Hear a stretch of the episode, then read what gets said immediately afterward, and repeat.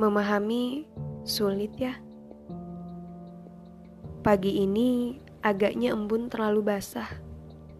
Tidak seperti biasanya.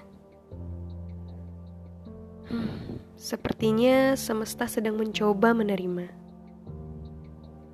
Menerima suatu perubahan.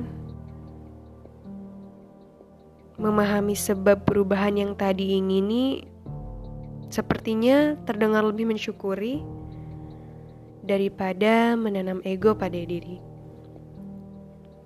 yang nyatanya malah lebih jauh menyakiti.